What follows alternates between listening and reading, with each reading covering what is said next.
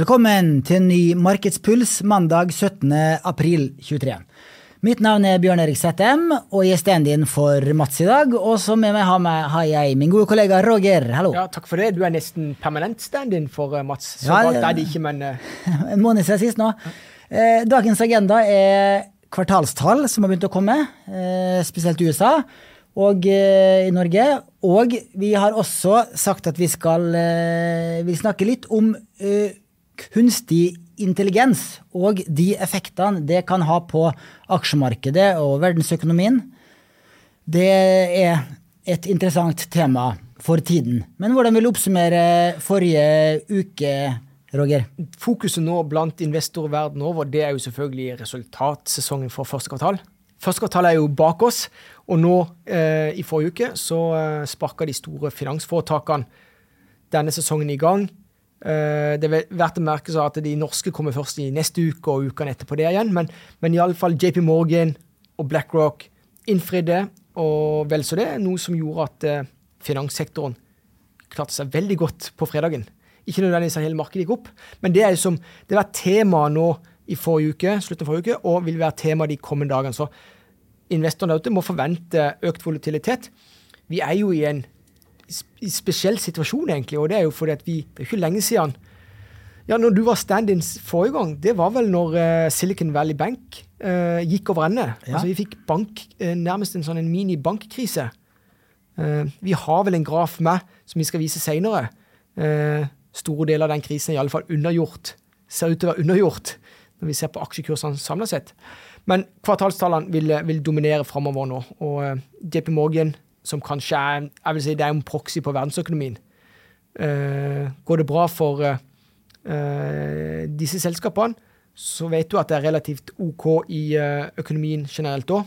Men nok en gang, uh, for JP Morgan sin del, og for mange andre innenfor finanssektoren, så har det jo kommet kommentarer som, som, som sier at vi er ikke nødvendigvis over alt av den uroen som er, men i alle fall de, hvis vi skal stole på de som er øverst i verdikjeden hva angår eh, finans, så er det jo selvfølgelig Fed, sentralbanken i USA, sentralbankene flere andre plasser òg.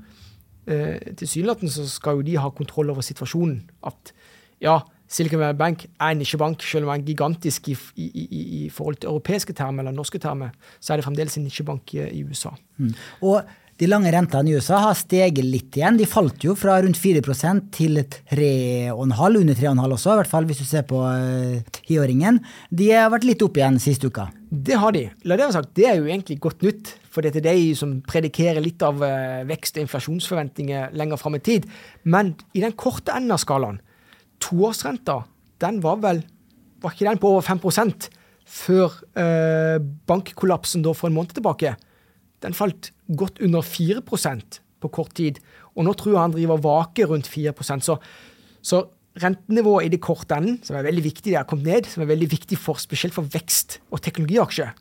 Eh, de, har jo, sant? de har jo steget betydelig siste, og det er jo fordi at renta nå har, har kommet, kommet ned i den korte enden. Ja.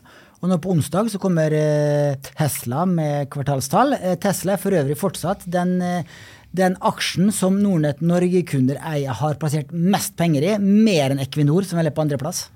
Ja, og eh, til nå så har vel det vært en suksess for investorene, har det ikke det? Absolutt. Det er få aksjer våre kunder har tjent så mye på som Tesla. Det har jo falt mye siden toppen, men det har faktisk vært flere år, mange år, hvor våre kunder har vært tungt eksponert i Tesla. Og det interessante er jo det at eh, det har blitt skrevet og snakka og sagt mye om både Tesla, men ikke minst Elon Musk de siste årene.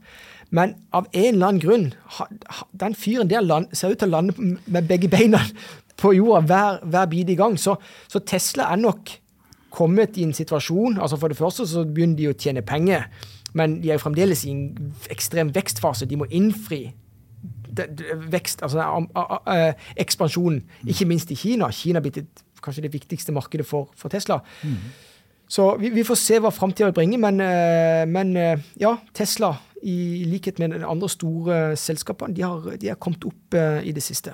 Mm. Og så må vi reklamere litt for den eh, kvartalsrapporttjenesten vår som heter Quarter. Så inne på de forskjellige selskapssidene, så nederst på siden der, både på nett og på app, så kan du trykke for å høre den siste kvartalspresentasjonen fra selskapet, og du kan laste ned foilpakken som ble vist på den analytiker presentasjon. Mm, absolutt. Så dette der eh, er det lett å orientere seg om det som rører seg på selskapsfronten. Både i eh, inn- og det store utland. Ja, det er det. Her har vi en graf som viser avkastning hittil i år på Oslo Børs, den grønne linja, og SMP 500, den blå linja, og eh, europeiske børsen, Eurostox 50. Uh, unnskyld, uh, den uh, Eurostox 50 er den røde linja, det står blå, men det er den røde linja for dere som følger oss på YouTube. Ja, og den, Roger, eh, veldig sterkt marked i USA og Europa så langt i år. og Oslo Børs er jo ganske flatt. Og det er, jo, det er jo, noen ting som er liksom viktig å bite merke i. Det ene er jo vi har allerede vært inne på det. Altså Den duppen vi ser her nå i uh, slutten av uh, mars, eller midten av mars, det skyldtes jo uh, bankkollapsen i Silicon Valley Bank. Vi er liksom tilbake der vi var før den krisa. Det er det ene. Nummer to er jo det at året samla sett er jo sterkt internasjonalt. Oslo Børs, som var veldig sterk i fjor, uh, mye takket være selvfølgelig Equinor, oppgang i, kraftig oppgang i Equinor, men Oslo Børs henger jo litt etter, uh, men er òg fremdeles opp i år. Og det er jo, uh, det er jo imponerende, med tanke på alle de overskriftene vi har hatt i media i det siste, som jeg vet ikke, Har det vært noen oppløftende nyheter som du har bitt merke i? Nei. Og det er jo litt av, litt av greia i aksjemarkedet. altså Den psykologiske biten. altså når, Du skal ikke nødvendigvis si, Dårlig nyhet ikke nødvendigvis dårlig nytt for, eh, for aksjemarkedet. Aksjemarkedet er foroverlent av natur. Og når jeg snakker om aksjemarkedet er foroverlent av natur, så er jo det summen av alle aktører. Summen av meg og deg og alle andre som er uh, på børsen. Sånn. Uh, de ser framover. Mm. Uh, rett og slett. Og, og mm. enn så lenge så ser det bra ut. Og uh, for de som stusser over at uh, SMP 500 har steget 14-15 hittil i år, så er det i norske kroner. Det er kroner. I amerikanske kroner så er det 8-9 mm. Så eh, siden vi sammenligner med Oslo Børs, så, så, lot vi alle grafene være i norske kroner. Ja. Og det sier også at norske kroner har svekka seg i år. Og det har jo vært en voldsom svekkelse nå over lang tid med norske kroner. Da snakka vi om i Pengepoden også før påske. At eh, det, vi får en del spørsmål fra kunder om de bør valutasikre fondene sine, valutasikre aksjene sine. Det er ikke noe sikre svar her. Eh, men hvis du er en aktiv investor, så har jeg sagt eh, når jeg blir spurt, at da kan det være eh, lurt å vurdere å valutasikre deler av porteføljen sin. Sitter du med en fondsportefølje, så er det eh, ganske lett å switche over til et valutasikra globalt indeksfond, f.eks. Mm. Um, men det betyr at det er sett ting i systemet er jo egentlig det handler om. Altså lag, lag kjøreregler hvis du skal begi deg ut på, på, på, den øvelsen. Og da liker jeg å reklamere litt for uh, det intervjuet vi hadde med Arne Fredelig, som ligger ute på YouTube-kanalen vår, hvor han snakker om hvordan han tenker når han skal inn i en aksje, uh, eventuelt ut. Han, han, han, vet når han skal inn og vet når han skal ut, og så porsjonerer han det uh, deretter. Sånn, ja, lag en plan. Mm. Eh, jeg har for eksempel, nå har jeg 25% valutasikring i min fondsportefølje. Eh, ved at jeg har valgt KLP sitt valutasikra globale indeksfond. Hvis eh, eh, krona svekker seg ytterligere, slik at dollaren kommer opp i 11 kroner, så har jeg bestemt meg for å øke valutasikringa fra 25% til 50 mm. Hvis dollaren noen gang kommer det til 9 kroner igjen, så skal jeg slå av valutasikringa og sitte eh, uten valutasikring. Så det er viktig hvis du eh, tar en beslutning om å valutasikre hele deler av porteføljen, ha en plan for når du vil slå av den valutasikringa hvis du har tenkt å gjøre det en gang. Ja, og jeg har sagt til meg sjøl, jeg reiser ikke utenlands før uh, Bjørn Erik har eh, slått av hele valutasikringa. Så bra. og, og, hvem vet, det kan bli noen år. Det kan bli noen år, det. er Ingen som vet hvor valutakursen hopper. Ai, ai jeg, trekker jeg, trekker nesten tilbake igjen den der. Så eh, dagens andre tema i dag er da kunstig intelligens. Fordi vi ble utfordra her på Twitter i forrige uke, eller spesielt du, Roger, for en som heter eh, Øyvind V. Han sier hadde det vært mulig å ta opp temaet chat GPT i en Nordnett-episode, hvor dere går gjennom tanker for å ta i bruk chat GTP under investeringer, og gjerne hvilke tanker du, Roger, har om Warren Buffett og Charlie Munger. Har de gjort seg opp noen tanker omkring artificial intelligence? ser for meg at dette kan bli et spennende tema i årets Berkshire-årsmøte. For den kommer jo nå om noen uker. Det gjør han, og det eh, kommer det helt sikkert til å bli. Buffett har jo selv eh, ytra hvordan han ser på chat-GTP, altså i, uh, i uh, et intervju. Men jeg har bare lyst til å spørre, uh, for, din, for, ditt vedkommende, Bjørn Eik, har du tatt i bruk Bruker du litt av Altså, hva, hva, er ditt forhold til chat-GPT? Jeg bruker det lite grann. Eh, og, men ikke som innen finans, egentlig. Men eh, sånn som her i helga, så diskuterte jeg for og mot sukkerfri brus. Er det sunnere å drikke Coca-Cola eller uten sukker? Og da spurte jeg chat-GTP, og hadde faktisk et godt svar på det. Mm. Så sånne forskningsartikler er veldig flink til å summere og oppsummere, syns jeg. jeg. Jeg, jeg. spurte han her i, i, i forbindelse med jeg skulle skrive den månedskommentaren min for fondsstatistikk, mm. og, og, ville da ha en oppsummering av hvordan aksjemarkedet hadde gjort det i mars 2023. Det kunne han ikke gi meg et svar på, for det var for fersk informasjon. Og eh, ChatGTP i dag bruker en i hvert fall eh, eh, internettkilder som er frem til januar 2022, er det vel? Ja, så, så du får ikke noe særlig fersk informasjon der ennå. Men du Roger, du bruker den mer aktivt? Ja, for, mitt vedkommende. Jeg liker jo, jeg, jeg, jeg, er en sånn early adapter, så jeg liker jo som å ta i bruk eh, altså, teknologi som gjør at jeg kan effektivisere jeg, jeg, føler jeg går på sånn en uh, høyoktan og har gjort det hele livet. Ikke at det er slitsomt, for det er bare sånn det er, men jeg liker hele tiden å forbedre de prosessene. og På godt og vondt så står jeg tidlig opp, og jeg, det er jo som gleden av å få ut den morgenrapporten. Vel. Og jeg vet jo, noe av det som driver meg iallfall de siste årene, det har jo vært derfor jeg vet at det er mange som venter på den morgenrapporten, så jeg gleder mange med å gjøre det, og så er det at du kan lære ifra deg noen ting innen finans som jeg tror er matnyttig for den jevne investor. Sånn at ja, definitivt. Så hvis det er jo som kanskje har brukt tre timer på en morgenrapport historisk sett, så, så har jeg klart å effektivisere. Så jeg er kanskje nede i to og en halv time nå. Altså hvor jeg altså har, Jeg vil si at jeg har en halvtime ekstra slack på morgenen, og det er nesten som en sommerferie for meg. Altså, det føles sånn. Sånn at eh, jeg er veldig positiv til chat-GPT i forhold til det å effektivisere de prosessene du allerede gjør i dag. Og det er jo som du sier, at du kan jo ikke Jeg kan ikke be uh, chat-GTP om å OK, jeg vil sove litt til, gjør ferdig morgenrapporten. Men det jeg kan min, altså min utfordring for en som skriver en kort kommentar hver dag, det er jo det at jeg er jo ikke som deg. Du er en journalist av ikke bare yrke, men av natur. Du er flink til å skrive og formulere deg. Jeg er ikke det. Sånn at jeg må, så der, der er det jo klart, det er jo der jeg vinner utrolig mye, merker det. når jeg skal liksom, Hvis det er tema i markedet, sant, så kan jeg få det litt mer spissformulert med en gang med å stille riktig spørsmål. Ja, Den har veldig godt språk og skriver godt norsk. Han gjør det. det. Og så har jeg jo funnet ut det at eh, om jeg kan jo som ta rapporten, morgenrapporten og gjøre den til dansk, finsk, svensk òg. Mm -hmm. Og det ser det ut til på en veldig god måte. Ja. Sånn at da kan jeg kanskje gjøre, gjøre eh, rapporten til et eh, nordisk fenomen også. Så vi får se. Men jeg, jeg ser bare eh, positive ting, og det er fordi jeg bruker den utelukkende til å forbedre egne prosesser, rett og slett. Og jeg snakker kanskje ja, i alle fall over en time hver dag. Snakker med ChatGTP og, og, og, bare lære meg måten han eh, kommuniserer på, og på måten hvor den stiller spørsmål. Så, så, jeg er veldig nysgjerrig, eh, og har fått holdt på en god stund allerede, eh, føler jeg, har sett effekten. Mm. Men det, det han spør meg, altså, hvordan kan du uh, bruke kunstig intelligens, og da spesielt chat-GPT, uh, til å ta investeringsbeslutninger? Det, uh, den kan liksom ikke si om det er Microsoft er et bedre aksjekjøp enn en Apple, f.eks. Men for eksempel, så kan du stille han spørsmålet hva er forskjellen på verdiaksjer og vekstaksjer. Nettopp. Og da får du godt svar, for der er det masse forskning.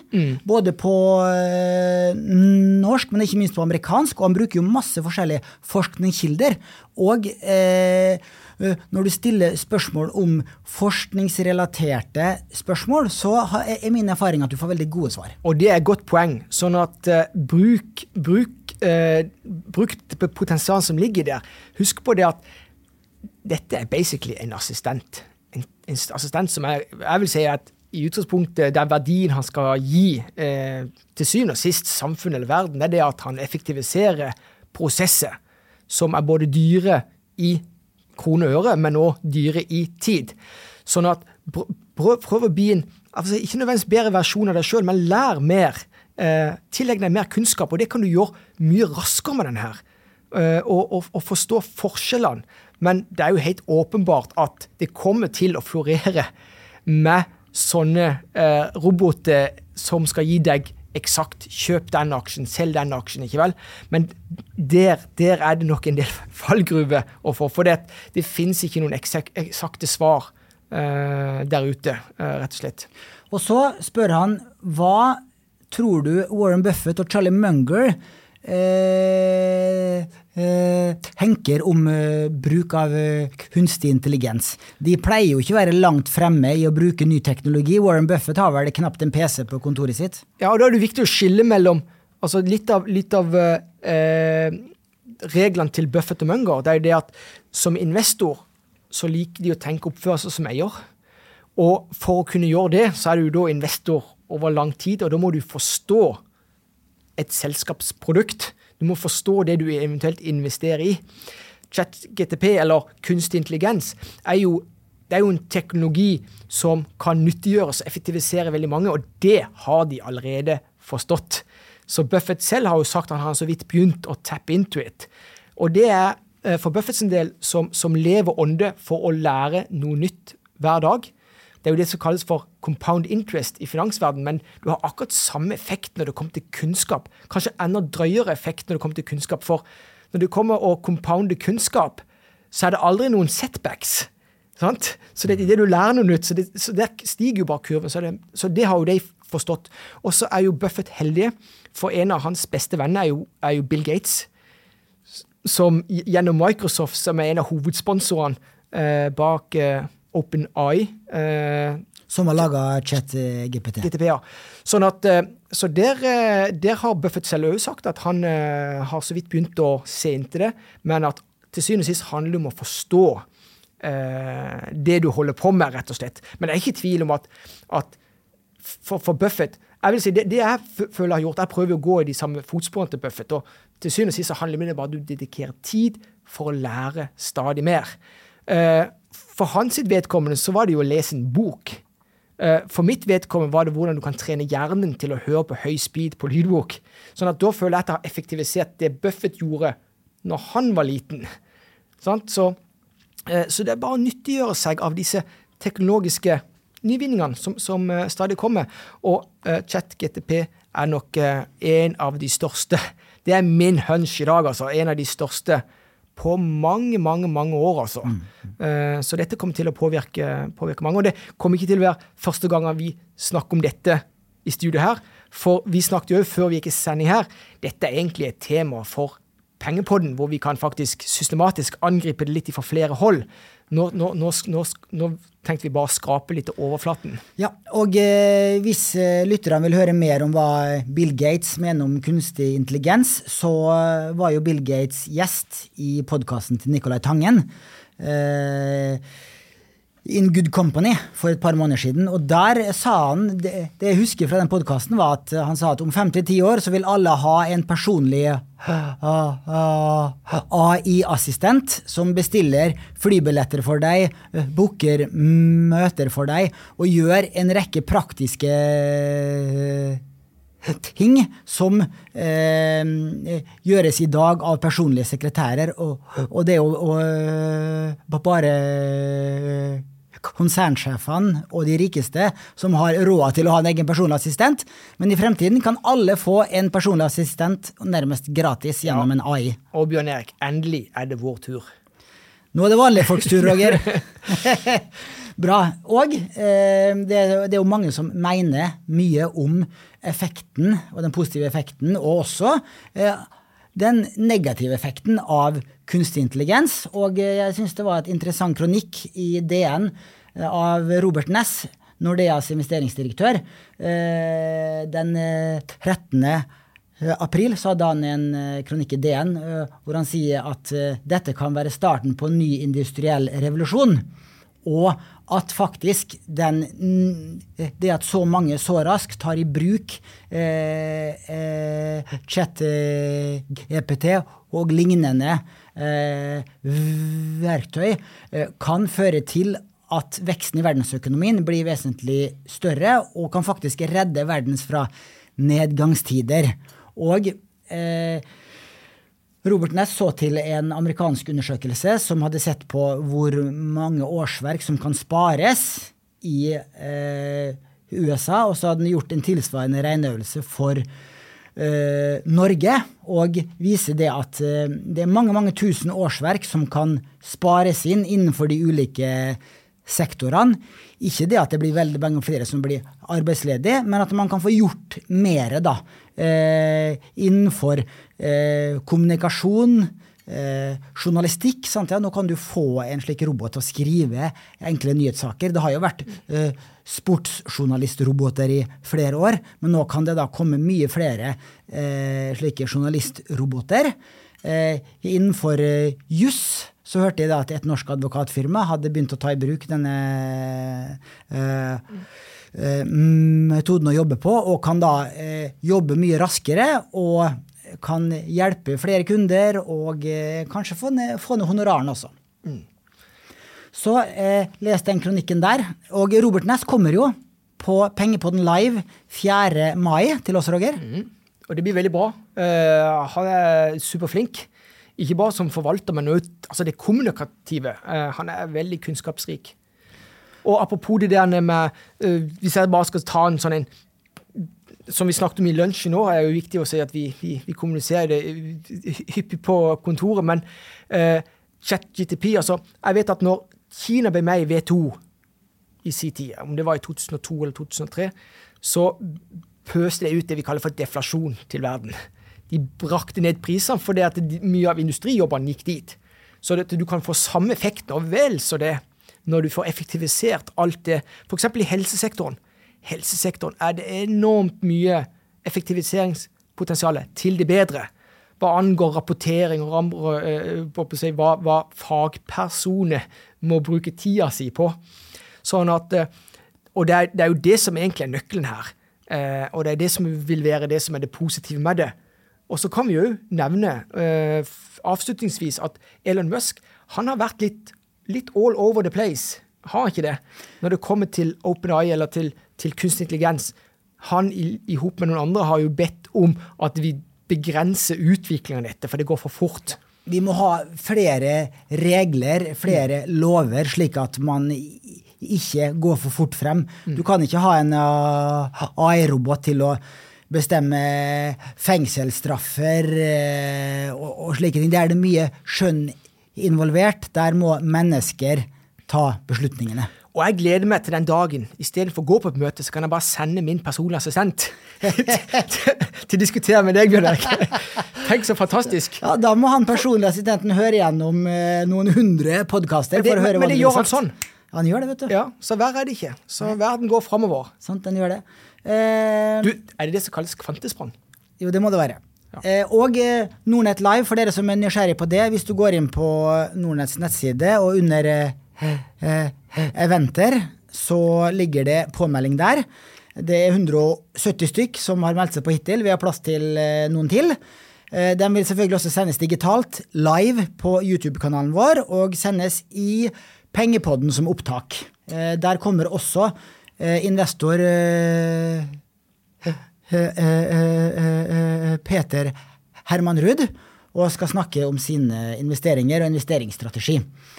helt på slutten så tok jeg frem en liste over de eh, ETF-ene som investerer spesifikt i AI-selskaper.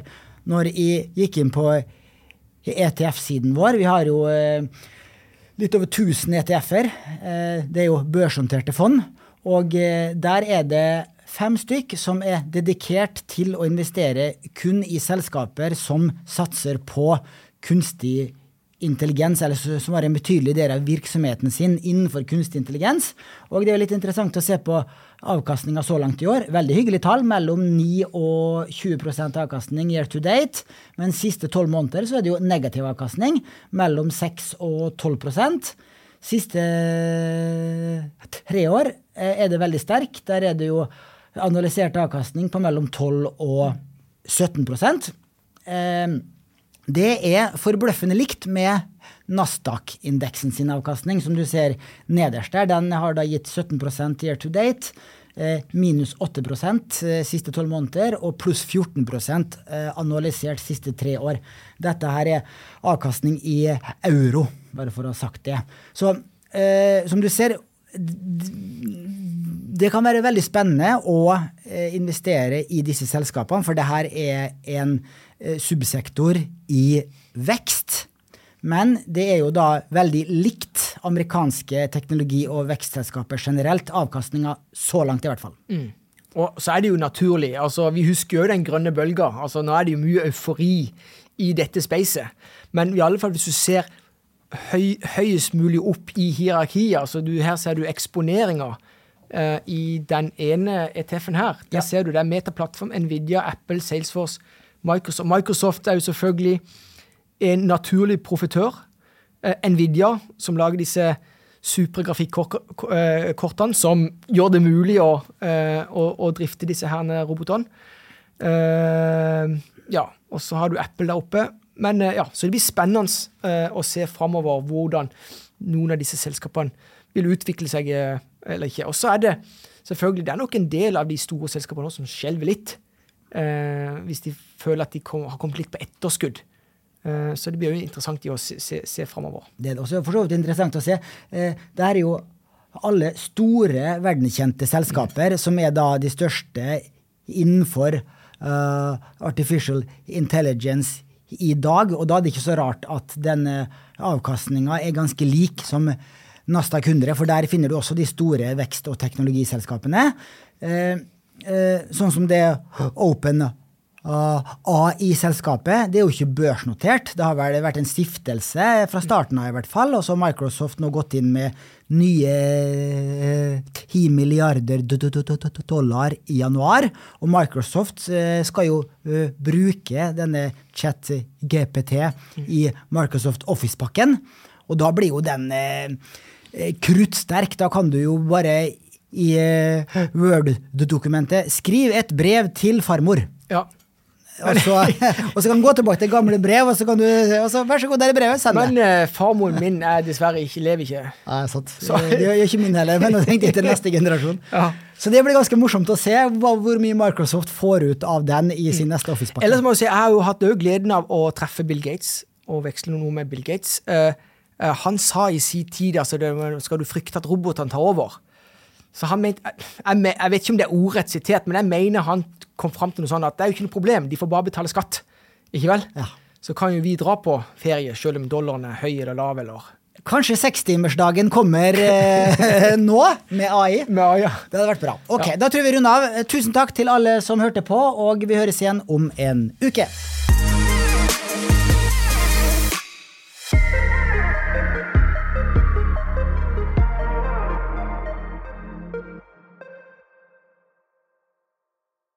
Denne podkasten skal anses som markedsføringsmateriell, og innholdet må ikke oppfattes som en investeringsanbefaling.